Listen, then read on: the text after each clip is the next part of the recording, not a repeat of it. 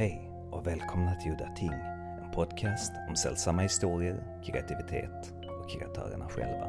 Jag heter Henrik Möller, musiken är skriven av Testbild och den fina loggan är skapad av Malmökonstnären Nalle Chinsky. Det här avsnittet ska handla om Daniel Olssons bok om Patrick McGrath, Writing Madness, och hur den anknyter till filmen Exorcisten. Hur trauma påverkar minnet och i sin tur vår identitet. Och Daniel Olssons egna erfarenheter som vi snart ska gå in på. Dan Olson är mest känd för sin imponerande 750 sidor långa bok om Stanley Kubrick och The Shining, som jag gjorde ett helt avsnitt om här i Udda Ting. Daniel har också skrivit en lika tjock bok om Guillermo del Toros filmer, The Devil's Backbone och Pan's Labyrinth. Samt en om hela Exorcisten-filmsviten med fokus då på den första filmen. Samtliga av dessa böcker är utgivna av Centipede Press. Men nu ska vi börja med Daniel Olsons nya bok Writing Madness. You had some first-hand accounts with madness from very early on. I was born in the mid 60s. My mother worked at a mental asylum. Almost most of her working life, all of her working life, she was at this mental asylum. And the thing was, in my hometown, it was a big employer. It was a kind of a plum to, to be employed there. And so it was thought of very highly. As time has gone by, people have reappraised what they thought of this mental hospital because of some of the restraint techniques. Um, rights groups representing clients from mental hospitals have publicized some of the things that went on there that were that were bad. But at any rate, as a kid, sometimes mom could not find a babysitter for me.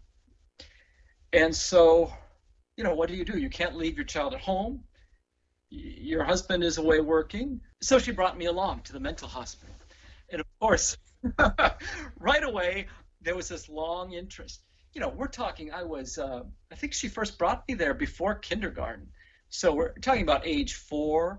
And then in the summers, when there was there was no school and no one to look after me, she'd bring me there too. My mom would include me on outings that the patients would take to sometimes they go to a theater sometimes they go to they go to the park to do a softball game with the with the staff. In the summertime we have a lot of college students taking staff temporary staff positions to help the clients at the mental hospital get out while the full-time uh, permanent workers go on vacation in the summer. I can remember this distinctly. We went out to lum park uh, right near the Mississippi River. And this, the young staff, young men, young women who were just out there on college break, slightly flirtatious with, with each other, were setting up a softball game for, for the patients.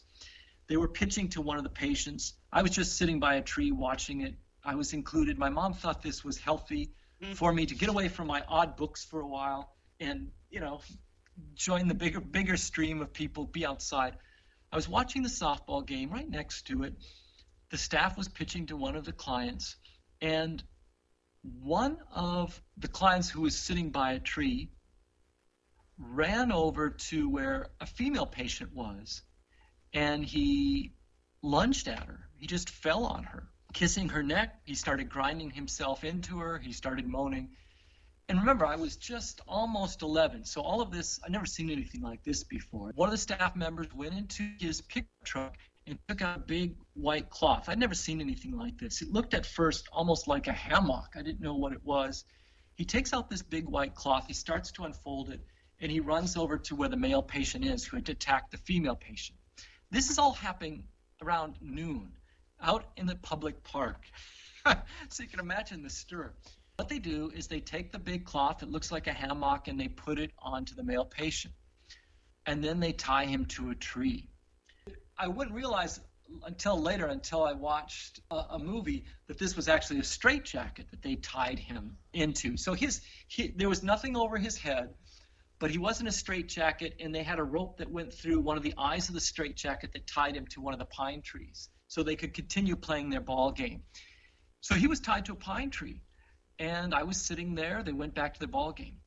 Within five minutes, the female patient ran over to him and attacked him in much the same way he had attacked her. And they have to go to the pickup truck and get another straitjacket, bind her up, tie her up to an opposing tree, and then the game continued. As the game continues, these two are yelling at each other or moaning. And it struck me as such a weird episode that in the middle of a park, in the middle of the day, where all kinds of public are, uh, you know, moms rolling their kids in strollers by, the beautiful lake, the beautiful water, the sun, a softball game. Very haunting episode to see as a kid. I was very shaken up about it. And sometimes you see it flicker on the pages of our best dark fiction writers, scenes just like this, that I would say are almost hard to invent from the imagination. You just have to witness them and then sew them into your fiction later. What was it about this that fascinated you, and how did it later find its way into your work? People who were facing things that that uh, most of us don't have to face. Most of us don't think we're Abraham Lincoln or Napoleon. Uh, we don't wake up in the morning thinking these things, but some of the clients at the hospital did. So there was always a deep interest in these folks and how they could put on personas, how they really believe them, and it, it just always stayed with me. Now in college, I chose to go the literature route, and I also studied world religions. So I didn't go the route of psychology, but in the back of my mind, abnormal psychology is always there. It's always the big appeal. And many of the stories that I deal with are about perspective. Is this person mad that we're reading of? Or is this person really seeing a glimpse of the old ones or what the old ones have left behind? There's always that ambiguity. And in in literature, there's this fascination with with madness. Emily Dickinson, one of my favorite poets, says much ma- madness is divinest sense. Uh, Mark Twain once said, Once we realize that we're all mad, then all the mysteries disappear and everything stands explained. There is a fascination with how people see things in, in abnormal ways. And I've always been interested in that, and much of the fiction deals with it. Now, it's only within the last 175 years or so that people who have mental disease are not considered possessed. We look at a book uh, in a film like The Exorcist. This is a wonderful book that um, Centipede Press did on The Exorcist and the the two prequel films and the two sequel films. It's really interesting that the the mom in The Exorcist, Mrs. MacNeil, she first goes to a psychologist for her girl who's got challenges then goes to psychiatrist, then uh, neurologist. All of these people who try to make sense of the brain, and they all tell her the same thing. Uh, there's nothing we can do for your daughter. We don't know. We don't know what's wrong with her. And the last one tapped on the list are the old magic men, the priests. Bring in the Catholic priests to try to do something with this girl. And it's curious because when we did interviews for this Exorcist book. The director still maintains, Billy Friedkin, that, you know, maybe she's not possessed. Maybe this is the, you're getting much of this filtered through the view of two priests, one of whom is convinced the devil and his lieutenants are realities and not just uh, superstition, folklore, imaginings of a of a troubled mind, and the second priest, Damien, who's somewhat reluctant to believe in in this mumbo jumbo, but as time goes by and under the guidance of the older priest, starts believing, oh, there is something there. So, The Exorcist was a natural book for me to gravitate to because of the people I was exposed to when I was a kid, who really did believe there were other people in the room, somebody you couldn't see, that sort of thing madness, possession, sacrifice are part of that book. And the beauty for me with a film in a book like The Exorcist is it mingles horror with something and diabolism with something even grander. which is sacrifice of yourself for another, for an innocent little girl. What was your initial fascination when you started out to work on this exorcist book? One of the things I enjoyed most is an investigator who tries to track down uh, what was the original story that so affected the late Bill Blatty that was reported in in the Washington Post and the New mm-hmm. York Times, and the the work to uncover who the original boy was who was reported to be possessed, where he lived, how the family tried to cover up traces because they did not want to be media sensations, and the fact that this investigator, as he did his work, found out the that boy, who's now an adult, is still does not wish to be interviewed about this experience. That was a part of the book that I think is a favorite for students. I can actually get you the title and the author right now that this is Mark Opsasnick's work. It's called The Haunted Boy, The Inspiration for the Exorcist. It's quite a long piece. It's almost 50 pages long.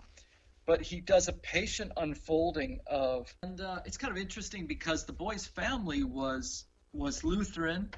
The Lutheran minister is called in to look at the boy, and at some point he says, "You know, this is a job for the Catholic Church. He just instantly bows out of this. He's not, not going to get involved with any kind of exorcism. It's a fascinating point where things get very ecumenical suddenly, and he says, "Hey, let me call my Catholic colleagues, and, and they can they can help with you." So, what Mark Opsasnick's work deals with is the journals that the two priests also maintained during the exorcism of the boy which is quite fascinating. That that is that is great. I think the other part of the book that I really enjoy looking at again, the uh, re-released Exorcist version that had more of what Bill Blatty wanted. Uh, Friedman makes Friedkin makes some allowances to Bill Blatty to put in a slightly different ending, and also to have more of the chats between the priests, which try to get at what does this um, spirit that's infiltrated this girl's body really want? What is the goal of this possession? And, and the older priest, played by Max von Sydow, basically makes the case that it wants us to feel despair, disgust with ourselves, to feel animalistic to me, that was a very interesting part of the book because it keyed in with all of the research I've done on the Gothic before. When you look at Gothic novels from The Monk, you look at one of the the original Gothic novels, Castle of Otranto, Mary Shelley's Frankenstein, which is a kind of science fiction novel, Melmoth the Wanderer. When you examine their last 50 pages or so, one of the nouns that comes up more than other, any other, one of the emotional states is it's repeated the exact word again and again is despair. In other words what the protagonist feels most by end of each of those four novels is what the priest older priest says the pazuzu that pazuzu wants everyone in that household to feel. Feeling despair feeling uh, the pointlessness of it feeling I can't love anyone, no one can love me. We are worse than beasts, all of us. To feel isolated from each other. This was the goal. We can have all this, the physical strength in the world, but once we start having any sense of meaning, or once we have a self disgust, we are lost creatures. And despair is very much the image on the faces and the postures that I remember as a kid being taken in to Brainerd State Hospital with my mom when she couldn't find a babysitter for me. That's exactly the the look that people had on their faces. And when we leave the hospital, when her shift was over, you'd see people looking outside these big glass panes with an utter hopelessness. There was nothing on the horizon for them. Now, when you see that when you're four or five, and you continue to see that till about age 11, it's it haunts you, and you tend to look for it again in fiction, and that's where I see it in the fiction of Patrick McGrath. Your book Writing Madness is a collection of short fiction of Patrick McGrath. How did that start? I've always been interested in any kind of fiction that deals with someone going to a pl- an asylum, a hospital for the criminally insane, uh, a, a, prison that holds mentally troubled people, and that person getting some information that's needed from this distressed individual. And we, of course, see that in, in fiction a lot. We see people in mental hospitals that are very troubled, but they have some key information that the protagonist needs to to find. Uh, we, we've seen this in novels like Bram Stoker's Dracula. We see it in a Lovecraft short story or two where someone is confined to a mental institution after an encounter with the sublime, an encounter with something so overwhelming, their senses are never the same. They they can't go back to whatever the baseline was of normality. And another writer who's been doing this since about 1988 is the writer born in London who grew up at Broadmoor Hospital, west of London, named Patrick McGrath. You may have read some of Patrick's books before or seen them about. This was his first novel, The Grotesque, which was made into a film with Alan Bates. Alan Bates plays um, a quadriplegic gentleman who's the lord of the, of the estate, and the singer Sting plays the butler, Fletch. And the gentleman who is paralyzed, we uh, enter into his mind. He can't move, but he can interpret what's going on. And he's assuming that the butler, Fletch, is having an affair with the protagonist's wife.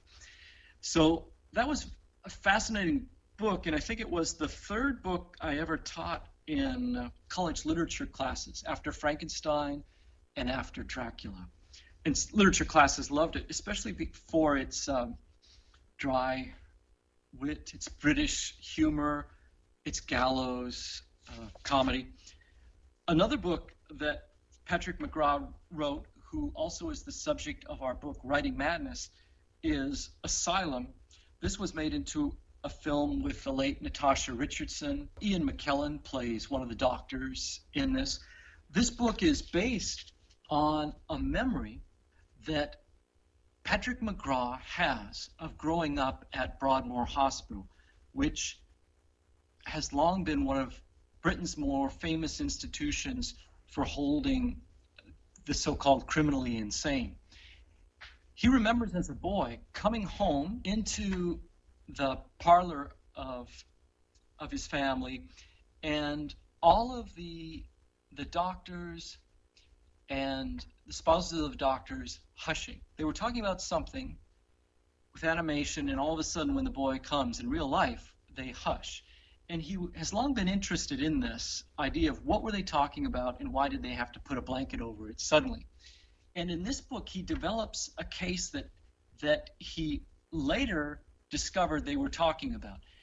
It was a case where uh, a spouse of one of the doctors falls in love with one of the patients at Broadmoor Hospital who was in the hospital for a case of paranoia, a case of uh, murderous jealousy, where he kills his wife in a very fiendish way. He was a sculptor. I won't go into details because it'll it'll be a plot spoiler. But at any rate, in real life, the mad sculptor and this the wife of one of the attending physicians at Broadmoor run off. They just escape. And that's what these people in uh, Patrick McGrath's house were all talking about. He decides to develop this into a book, treat it through the lens of fiction. It was a very interesting film. A third film that, a third book that he has made that was made into a very interesting film, directed by David Cronenberg and considered by Patrick McGrath the best filmic treatment of his work yet was the film, which has the same name as, as its novel, called Spider. Writing him, writing a publisher, Centipede Press, we got the idea of making a beautiful edition of the collected stories. Some of these stories have appeared in volumes of of his work. Um, one volume came out in 1989, but many of them have appeared in um, little journals and uh, other anthologies, multi-author anthologies. They've never been collected in one volume. So we've got a 600-page volume of his short works, including all of his short stories today, including a Lovecraft-inspired one. One of the key interests that I have and characters have going into asylums, mental hospitals, is what new perspective do we get from the so-called uh, insane person, from this from this troubled soul? How are we seeing the world differently? Proust once said, of course, the point of art is to see with new eyes, and to go into the mental institution is the ultimate experience of that just as reading Lovecraft stories, I think is is one of the great experiences of seeing with with new eyes.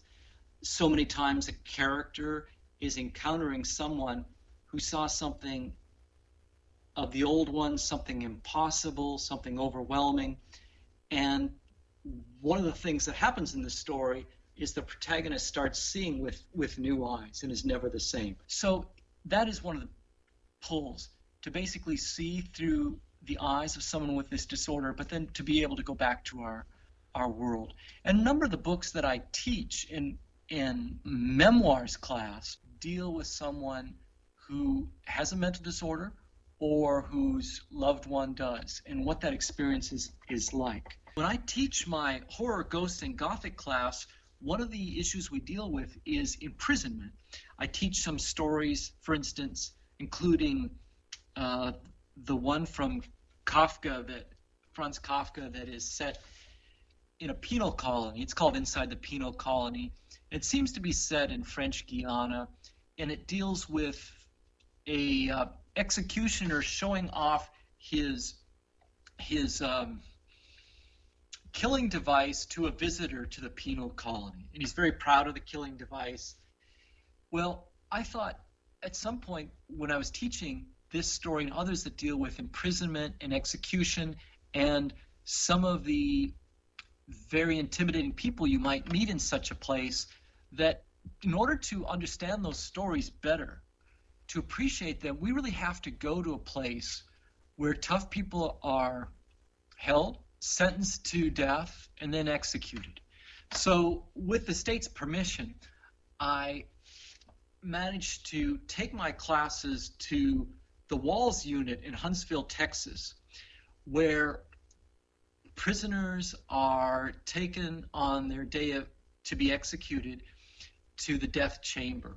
And the guide for our visit is a Sergeant Cardoza, who's one of the people in charge of um, putting restraints on the convict at, at the table where the convict is given three injections, which end up killing him or her.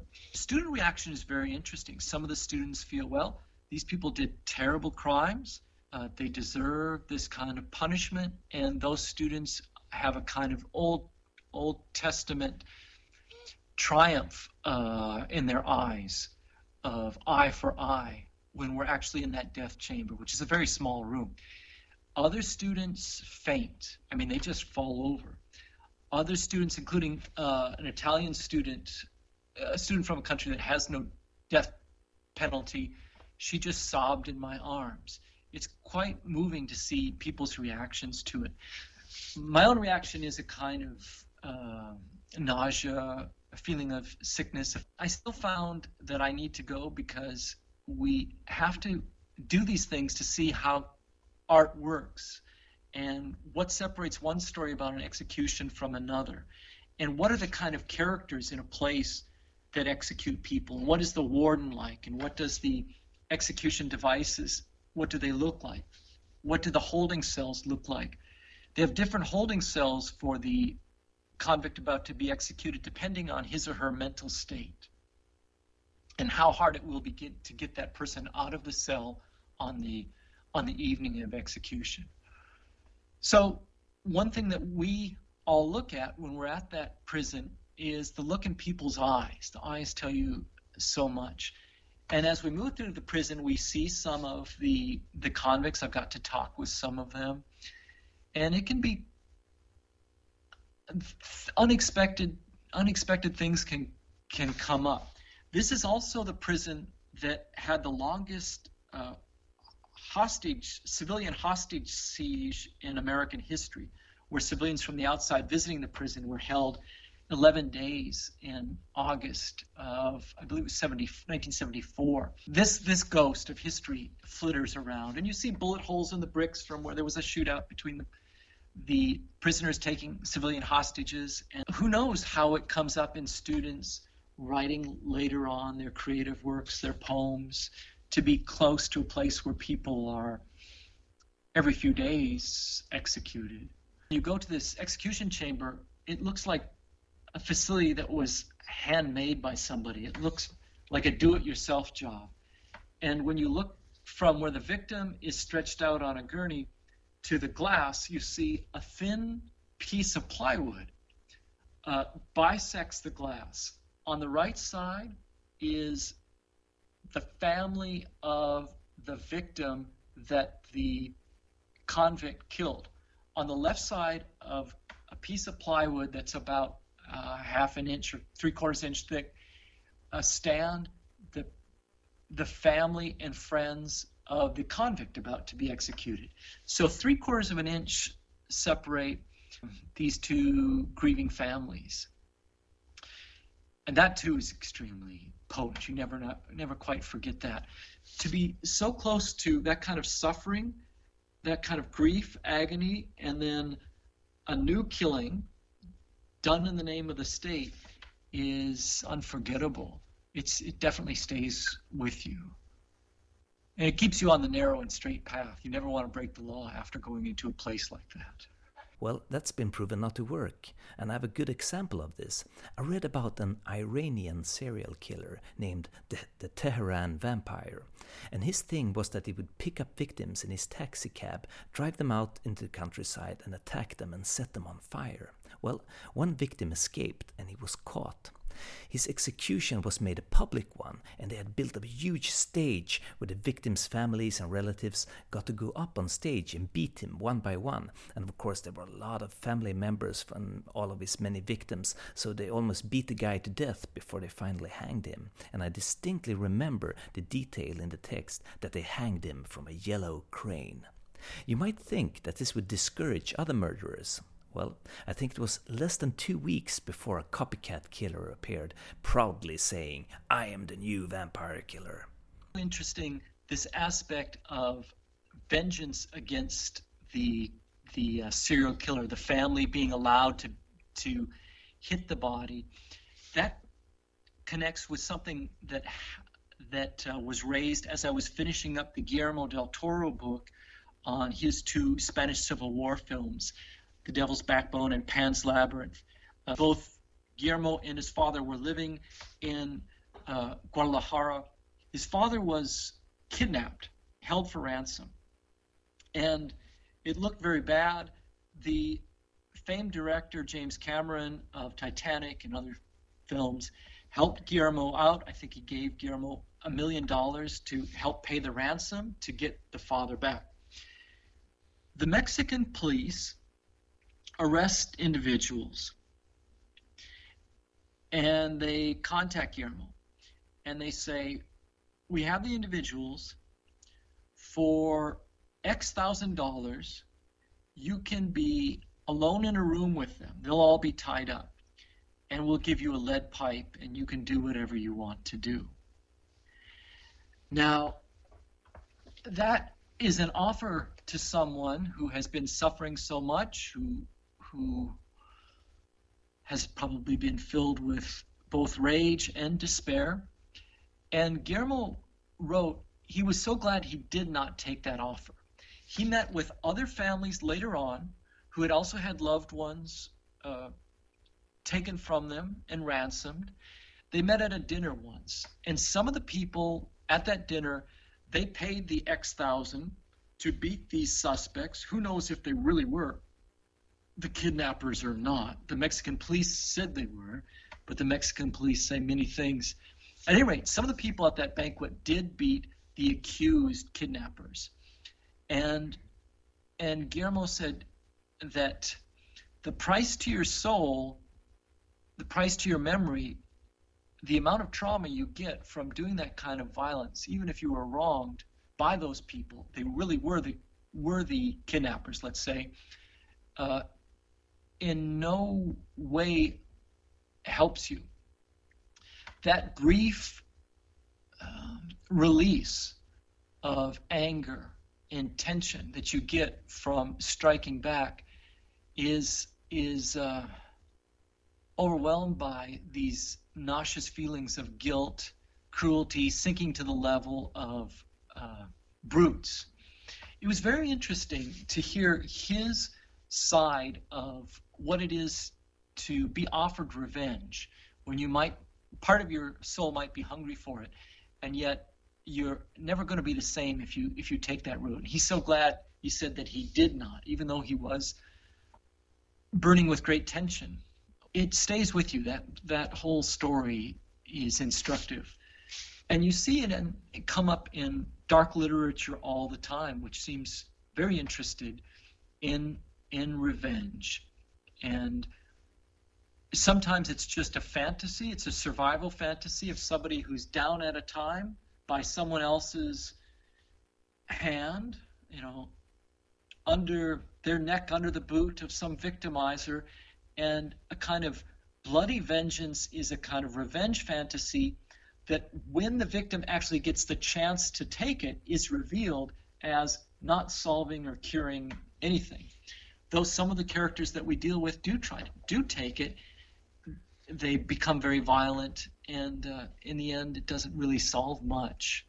It makes us criminals all around, and that was my take on on execution in in Texas. Uh, it was just debasing us all all the more, everyone involved with it. When did you come in contact with Guillermo and decide to make a book about his films? When I was doing the Exotic Gothic series, I had a publisher who was in contact with Guillermo, and they forwarded a message to him, and I, I wanted to include him in a book of short stories if he had any new material. He was working on a short story um, called um, Ivanka and the Little People, but he didn't get time to to finish it by the by the time I was looking for. However, later on, said to him that I've done a couple books on films, and I think there aren't enough books on your films. And a film like Pan's Labyrinth, I think, is a giant in our time. One of my favorite films, if not the favorite. And would you be interested in a, a kind of scholarly treatment of this film? And he was immediately 100%.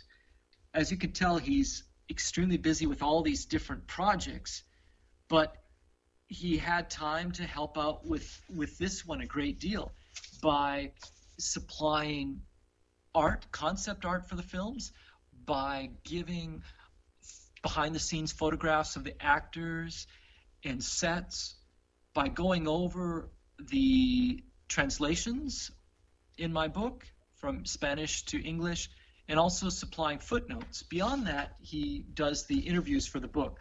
So I contacted him through a mutual friend, a publisher who both of us knew, and said, "Let's please do this book." And he was on board right away, ex- supportive in in every way, and very interested in the actual design, layout, art, artistry of the book. He really truly is an, an, artist, no doubt about it. And I'm delighted that he said we can. The release of this book is perfect because there is a new international traveling exhibition of my bleak house. What this exhibition has is from his house, props from the movies, costumes from the movies, art, sketches that he's made, and then things that he's collected from great uh, terror and horror movies over the years. So this book is sold at that exhibition in the gift shop along with other great books on, on his art. And it's been doing well, and it looks like it will have a, a second printing soon. That's how I connected with him. So, what is your take on Pan's Labyrinth? Well, it's magic, of course. Uh, Pan's Labyrinth, this vision of the Pale Man, of Pan, of another realm. It's a girl's fantasy, or it is what a dying mind gives you to comfort as she's she is uh, slipping away after being shot by her stepfather. My argument is that is the the limited, harshly realistic side in us speaking, somewhat um, jaded and unimaginative. My argument is there was another realm. She encounters it. She's open to it. And in fact, if there was another realm, it helps explain some things in the story that we otherwise cannot. There is the presence of an ancient book of crossroads in this story. Now, there's no evidence this girl could get the book from anywhere else. She only comes to this uh, mill that her her stepfather has in his effort to wipe out the Maquis resistance fighters. She only has to bring with her some comic books, some fairy tales, nothing like this Book of Crossroads. How could she get it? There's a point also in the movie where Captain Vidal picks up a piece of chalk and he looks at it with wonder, like, we have no chalk here. How did this chalk get here? I asked the actress, Ivana Baquero, who, who plays little Ophelia, well, what is your take on this? Many viewers and critics have pondered long over whether Ophelia's potent imagination only creates the fabulous creatures, or if they did have some independent existence and agency and entered her space. In your mind now, do you sense that there was no fantasy world and Ophelia created it as a comfort, as a mind creates a beautiful wish fulfillment upon dying? Or was there a fantasy world for those who know where to look, as real as the grim real one of fascist captains, of pistols, bombs, and dead civilians? Ivana Baquero's answer is that is indeed one of the big enigmas about Pan's Labyrinth. And Guillermo purposefully did it that way so as to leave an open door for the viewer. He wanted people to have their own opinion about it. Thus, there was no right or wrong it's all a matter of your personal perspective and what you choose to believe. And for me, this ending is one of the beauties of the film because it leaves it up to you. She doesn't simplify, she doesn't make it pat or obvious. She says the ending is still what you bring yourself to this film.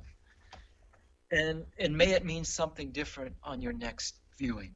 Did you ask Guillermo if he was inspired by Arthur Machen, and in particular his story The White People. In the interview that I dealt with, I did with him, it was it was more on uh, Spanish history, but one of the interviews that we considered with the book asked him for one of asked him for a lot of the literary sources, and Machen comes up, the great god Pan comes up, and so do so do a number of other stories uh, by by British writers. I always had, and some of my friends too, had a problem with the creature of Pan in this story. He's nothing like the myth of the great god Pan. Pan, in the title Pan's Labyrinth, is a somewhat unfortunate choice, pushed more because of um, marketing reasons than anything. In the Spanish original, of course, it's El Laberinto del Fauno, uh, the, the faun's labyrinth. His point was this Pan is too uh, potent of a deity for any of these mortals to withstand. It would it would uh, obliterate them. In English, it's for some reason, for marketing reasons, it sounded better to have uh, Pan's labyrinth than the Faun's labyrinth. Very interesting. That certainly shed some light on that. Och med de orden så var det slut för den här gången. Jag heter Henrik Möller. Musiken är skapad av Testbild. Hejdå.